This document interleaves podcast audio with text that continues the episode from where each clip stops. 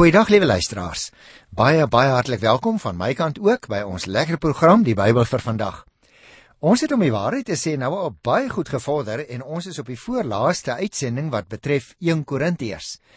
Vir die mense wat die eerste keer inskakel, aan julle wil ek sê baie hartlik welkom en ek vertrou julle gaan sommer in die toekoms gereeld inskakel en ook as julle vragies het eh, oor die materiaal wat ons behandel of uit die Bybel in die algemeen en ek kan help, dan is julle baie hartlik welkom om julle vrae in te stuur en ons reageer so goed as wat ons kan daarop.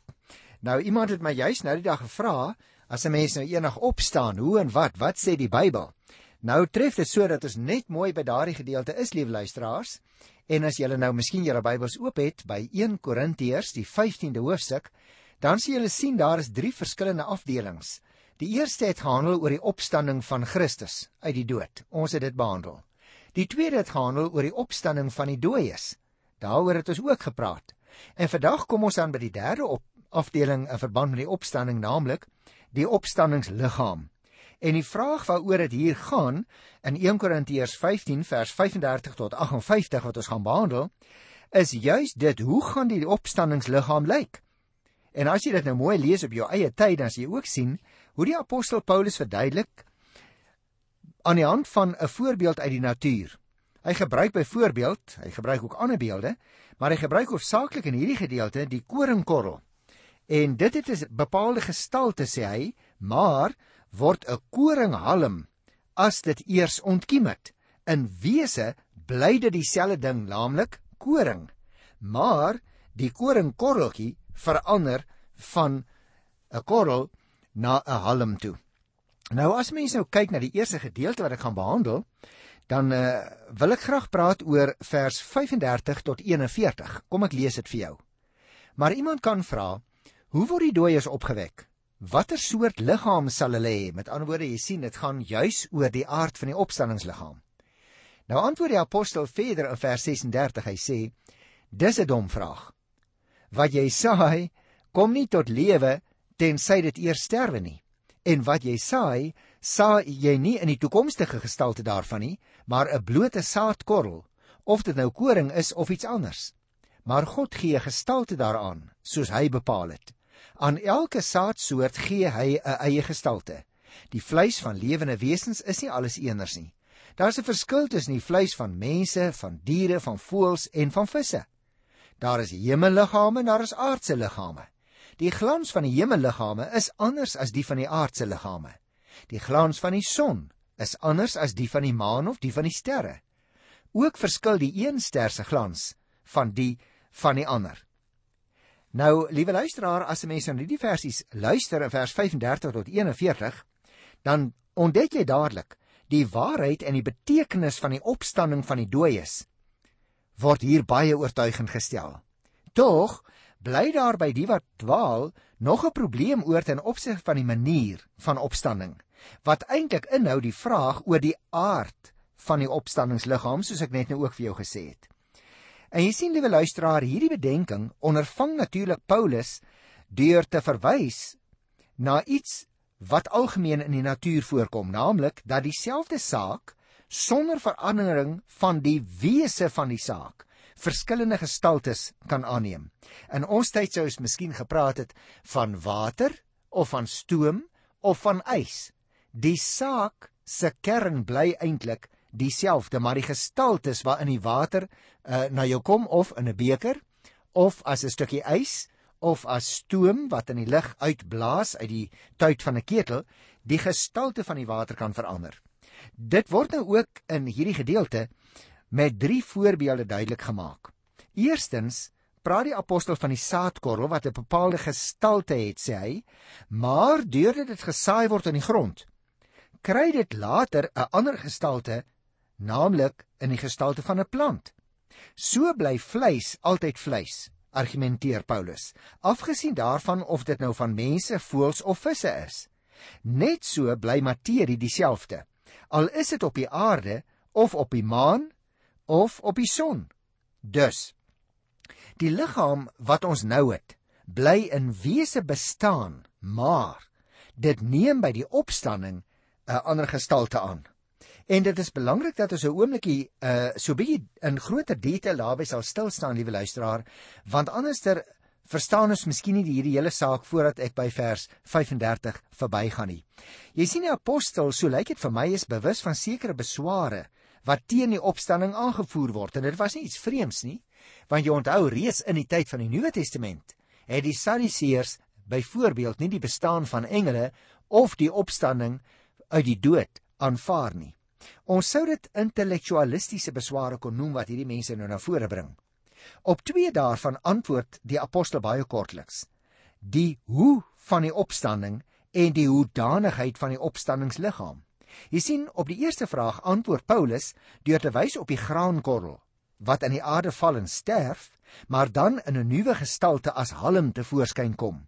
En op die tweede vraag antwoord hy deur te wys op die verskil tussen die natuurlike liggaam en die geestelike liggaam.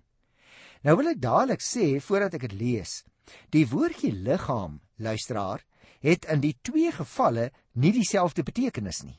Die natuurlike liggaam is die van vlees en bloed. Dit is, met ander woorde, die konkrete, soliede of tasbare bestaansvorm, as ek dit so mag uitdruk, uitdruk van die mens in sy aardse lewe. Maar die liggaam waarvan die apostel sê dat dit die koninkryk van God nie sal beerwe nie in vers 50. Daarteenoor staan dan die geestelike liggaam van die opstanding. En dit is 'n liggaamlike gestalte of 'n uiterlike gedaante as jy wil wat van gees bestaan en geëien is om die koninkryk van God te beerwe.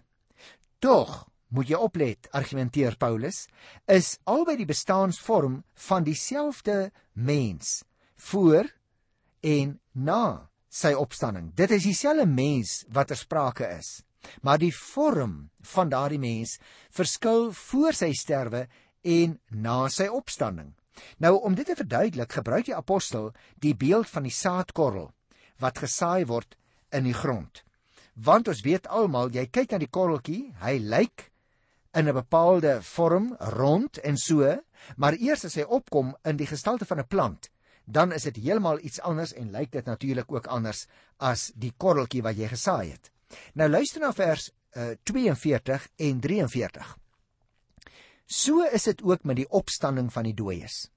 Wat gesaai word, is verganklik en word in onverganklikheid opgewek. Wat gesaai word, is gering en word in heerlikheid opgewek. Wat gesaai word, is swak en word in krag opgewek. Jy sien, uh, liewe luisteraar, die verskil tussen die huidige liggaam en die opstandingsliggaam is volgens die apostel drieërlei: verganklik teenoor onverganklik, gering teenoor heerlikheid, swak teenoor dit word opgewek in krag. En nou wil ek tog dat ons hieroor ook so klein bietjie met mekaar gesels want dis belangrik. Die voorbeelde uit die natuur waarmee jy begin het, dien dus tot toeligting van die opstanding uit die dode. Die punt van ooreenkoms is dat elke wat hy noem aardse liggaam 'n ooreenstemmende wat hy noem hemelse liggaam van God ontvang het. Die saadkorrel het sy eie halm. Die dier, die voël of die vis het elkeen sy eie soort vleis. Die son, die maan en die ster het elkeen sy eie soort ligglans. Nou argumenteer Paulus 'n bietjie verder. Hy sê: "So het die liggaam van die mens wat in die graf weggelê word, ook sy eie opstandingsliggaam. Wat uit die graf opstaan, is nog dieselfde mens wat daarin weggelê is, maar sy liggaam het nou 'n radikale verandering ondergaan. God wat in die natuur 'n vaste orde bepaal het, soos hy alreeds vir ons geleer by vers 38, het ook ten opsigte van die mens dieselfde gedoen. Volgens sy wese as mens het die Here vir hom 'n opstandingsliggaam bepaal wat aan die mens alleen eie is. Maar hierdie opstandingsliggaam sê die apostel verskil ingrypend van die liggaam van vlees en bloed wat in die graf neergelê is nadat die ou gesterf het. Die een word gekenmerk deur verganklikheid, oneer, swakheid. Die ander word gekenmerk deur onverganklikheid, eer, krag. Nou wil ek dadelik sê verganklikheid, liewe luisteraar, lyk vir my is 'n kenmerk van die lewe in die vlees. Eintlik is dit 'n proses wat aan die gang is en wat meebring dat alle vlees soos gras is, sê die Ou Testament ook. Met ander woorde, in die môre bloei dit en spruit weer uit. In die aand sny mense dit af en dit verdor. Gaan kyk byvoorbeeld maar in Psalm 90 vers 5. Nou dit is natuurlik nou die voortwerking van die vernielende mag van die dood. Daarteenoor, sê Paulus, is die onverganklikheid die volstrekte bevryding van die afbreekende magte van die wêreld en die slytasie van die tyd. Dit is 'n kenmerk van God, sou mens kon sê as jy dit so wil uitdruk. Sodat die opstanningsliggaam in hierdie opsig goddelike karaktertekens kry. Die ander woord wat hy gebruik is oneer. Nou net dadelik sê die luisteraar, oneer was in die Griekse regspraak eintlik 'n baie bekende term.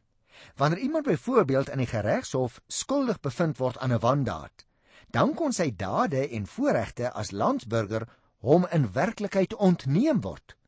En dan was hy eerloos. Dit is die staat waarin die mens in die aardse lewe verkeer, in oneer as gevolg van ons sonde, maar ook omdat ons uitgesluit is uit die burgerskap van die hemelse ryk voor ons redding natuurlik. Daarteenoor is die opstanningsliggaam 'n bestaan van eer. Ons word opgeneem in die volle burgerskap van die hemel. Hy gebruik 'n derde woord in sy argumentasie, naamlik die woordjie swakheid. Jy sien, swakheid is die normale kenmerk van die liggaam wat nie bestand is teen die veelvuldige magte wat die liggaam afbreek nie, soos byvoorbeeld siekte, of ontbering of oorwysing of ouderdom of verminking of selfs sedelike ondergrawing en dan uiteindelik die dood. Die opstanningsliggaam aan die ander kant is die van oorwinning deur die krag van die Gees. Nou lyk dit vir my luisteraar, ons kan aanneem dat Paulus hier aan die Here Jesus gedink het wat homself oorgegee het aan verganklikheid en aan oneer en aan swakheid aan die kruis maar wat opgewek is in onverganklikheid, in eer en heerlikheid en in krag. Maar luister nou na vers 44, want hier staan ook nou 'n baie interessante ding wat uh, ons so 'n bietjie oor moet gesels. Hy sê 'n natuurlike liggaam word gesaai, 'n geestelike liggaam word opgewek. Aangesien daar 'n natuurlike liggaam is, is daar ook 'n geestelike liggaam. Nou belangrik dat die apostel dit so duidelik sê. Jy sien, liewe luisteraar, ons geestelike liggame sal nie deur die wette van die natuur gebind wees eendag nie. Dit beteken nou natuurlik nie noodwendig dat ons supermense sal wees nie, hoor? Maar dit beteken slegs dat ons liggame in gestalte anders as ons aardse liggame sal wees en dat ons tot baie meer in staat sal wees liggaamlik as nou. Elke mens het naamlik 'n fisiese liggaam en ons lyk en ons is almal verskillend. Elkeen het sy eie liggaamlike vermoëns en swakhede. Natuurlik, jy sal dit ken, luisteraar. Ons liggame is egter eeners in die sin dat hulle almal aardse liggame is, sê die apostel. As gelowiges het ons die belofte ontvang dat ons die ewige lewe sal hê en dat ons ook net soos Christus opstandingsliggame sal hê ook eendag. Paulus dui dus die verskil ook aan deur te praat van 'n natuurlike liggaam en 'n geestelike liggaam. Met ander woorde, hy stel die twee wat totaal andersoortig is teenoor mekaar. En hiermee word nie aangedui dat daar twee liggame is wat in wese van mekaar verskil nie, maar slegs een liggaam wat by veranderde toestande aangepas is want dit word duidelik gestel dat daar nie 'n geestelike liggaam kan wees as daar nie 'n natuurlike liggaam ook aanvanklik is nie. Nou luister nou na vers 45. Uh Paulus sê so staan daar ook geskrywe: Die eerste mens Adam het 'n lewende wese geword. Die laaste Adam het die lewe makende gees geword. Dus deur ons verbondenheid aan Adam, liewe luisteraar, het ons deel geword van die sterflike liggame hier aan hierdie kant van die graf. Maar ook terselfdertyd deur 'n verbondenheid aan Christus het ons nou al reeds deel geword van 'n nuwe gestalte, naamlik die geestelike bestaan na die dood. Ook ons liggame sal die nuwe geestelike gestalte vertoon. Die verskil tussen die twee gestaltes van dieselfde liggaam word dus teruggevoer tot die verbondenheid van 'n mens aan Adam en aan Christus. Deur die verbondenheid aan Adam het die mens 'n liggaam ontvang wat aan die bestaande aarde verwant is. Nou lees ek 'n langer stukkie by vers 46 tot 49. Luister. Die geestelike kom nie eers in die maar die natuurlike en daarna die geestelike. Die eerste mens is uit die aarde en is stoffelik. Die tweede mens is uit die hemel. Soos die stoffelike mens was, so is ook die stoffelike mense. En soos die hemelse mense is, so is ook die hemelse mense. Soos ons die beeld van die stoffelike mens was, sal ons ook die beeld van die hemelse wees. Wat bedoel die apostel hiermee? Wel, as ons nou daaroor gesels, dan sou ek wou sê, die mens sou buite die sonde om ontwikkel het tot 'n heerlikheid. Maar toe het die sondeval gekom, liewe luisteraar. En deur die sondeval van Adam word ons liggaamlike bestaan 'n blote voortbestaan soos diere en plante. Dit is wat Paulus hier noem ons natuurlike liggame. Deur ons verbondenheid aan Here Jesus Christus uit die hemel word deur sy gees word ons in staat gestel om 'n geestelike lewe anders as die van die diere te kan ken. Meer nog, ons word tot 'n geestelike lewe opgewek uiteindelik. Nou by die geestelike lewe moet ook die liggaam aangepas word en dit geskied by die opstanding van die dooies. Dit is hierdie geestelike en finale gestalte van ons liggaam wat ons gaan ontvang, want Christus is die wat Paulus hier in vers 4:45 noem, die laaste Adam. Met ander woorde, Daardie laaste werk van die Here gaan die finale werk aan jou en aan my wees. En so sal ons wat nou reeds die beeld van die stoffelike mens vertoon, eenmaal die beeld van die hemelse vertoon. Vers 50 tot 53. Wat ek bedoel broers is dit. Vlees en bloed kan nie aan die koninkryk deel kry nie. Die verganklike kan nie aan die onverganklike deel kry nie. Kyk, ek maak 'n geheimnis aan julle bekend. Ons sal nie almal sterwe nie, maar ons sal wel almal verander word. By die laaste trompet sal dit in 'n oomblik, in 'n oogknip gebeur. Van die trompet sal weer klink en die dooies sal as onverganklikes opgewek word en ons sal verander word. Nou wonderlike woorde. Kom ons praat so 'n bietjie met mekaar daaroor. Jy sien liewe luisteraar, elke mens het sekere beperkings. Party mense byvoorbeeld veral fisieke beperkings of verstandelik of e emosioneel gestremd miskien. En almal is bewus daarvan dat ons maar uit genade nie een van daardie gestremdhede het nie, nie waar nie. Sommige mense is byvoorbeeld blind en tog kan hulle die pad sien wat na die lewe lei. Ander is weer doof, maar hulle kan ook die goeie nuus hoor. Daar is tog ook mense wat verlam is en tog in staat is om in God se liefde te wandel. Hulle het ook die heerlike versekering dat hierdie beperkings slegs van tydelike aard is. Nou sê Paulus dat ons nuwe liggame sal ontvang wanneer die Here Jesus Christus terugkeer.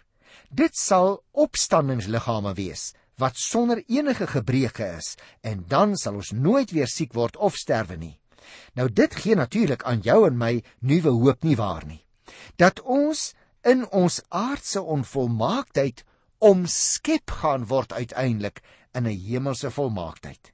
Die verganklike liggaam van nou word dus verplaas deur 'n onsterflike liggaam wat vir die wat in Jesus Christus ingeplant is, beteken dat ons vir altyd met God sal lewe, ook met nuwe liggame.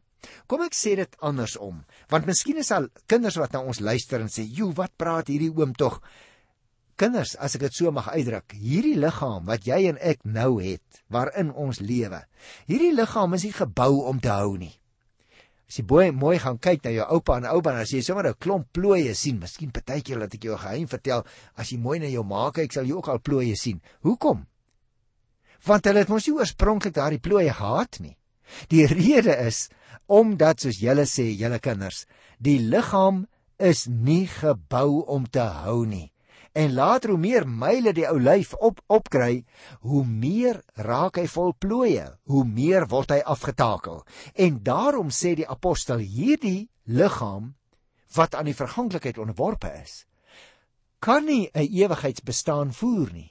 Hy is nie gebou om so lank te hou nie en daarom moet ons eendag nuwe opstandingsliggame kry.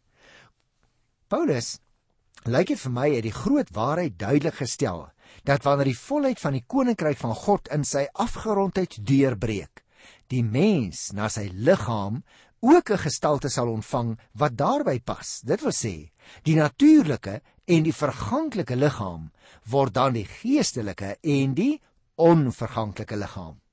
En luister nou na vers 51 en 52. Kyk, ek maak 'n geheimnis aan julle bekend. Ons sal nie almal sterwe nie, maar ons sal almal verander word. Nou dit is interessant nie waar nie. Want Paulus stel ook nog 'n verdere geheimnis aan ons bekend, naamlik dat die mense wat by die wederkoms van Christus nog hier op die aarde lewe, dieselfde verandering sal ondergaan as die wat uit die dood opstaan. Dit sal egter nie 'n proses wees nie, maar 'n handeling wat God in 'n oomblik, sê die apostel, sal afhandel. Die nuwe hemel en die nuwe aarde sal met trompetgeskal ingelui word. Die Jode, tussen hakies, sou die betekenis van die trompette verstaan het, aangesien die belangrike feeste en die ander groot gebeurtenisse op die manier aangekondig is. Trompette kan dus oordeel aankondig op die laaste dag van die Here, maar ook die groot feestelikheid van die groot en finale fees wat eendag gaan aanbreek. Luister nou na vers 53, ek lees 'n bietjie verder. Hierdie verganklike liggaam moet by die onverganklike bekleed word en hierdie sterflike liggaam met die onsterflike. En wanneer hierdie verganklike liggaam met die onverganklike bekleed is en hierdie sterflike liggaam met die onsterflike, dan sal die woord wat geskrywe staan vervul word. En hou hou al Paulus aan luister. Die dood is vernietig, die oorwinning is behaal. Dood, waar is jou oorwinning? Dood, waar is jou angel? Die angel van die dood is die sonde. En die sonde kry sy krag uit die wet van God. Nou dit klink moeilik, maar kom ek sê vir jou in gewone Afrikaans wat staan hier. Hierdie gebeurtenis van die verandering van die liggaam sal die finale oorwinning van Christus oor die laaste vyand, die dood, aandui soos dit in die skrif beskrywe word.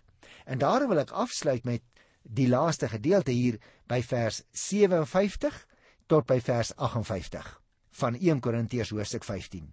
Maar ons dank God dat hy aan ons die oorwinning gee deur ons Here Jesus Christus. Jy sien liewe luisteraar, Christus se oorwinning bestaan in die verbreeking van die magtige bondgenootskap van dood en sonde en wet. Tussen hakies, sonde gee immers aan die dood die mag, want jy sien, die straf op die sonde is die dood. Sonde ontleen weer sy mag aan die wet.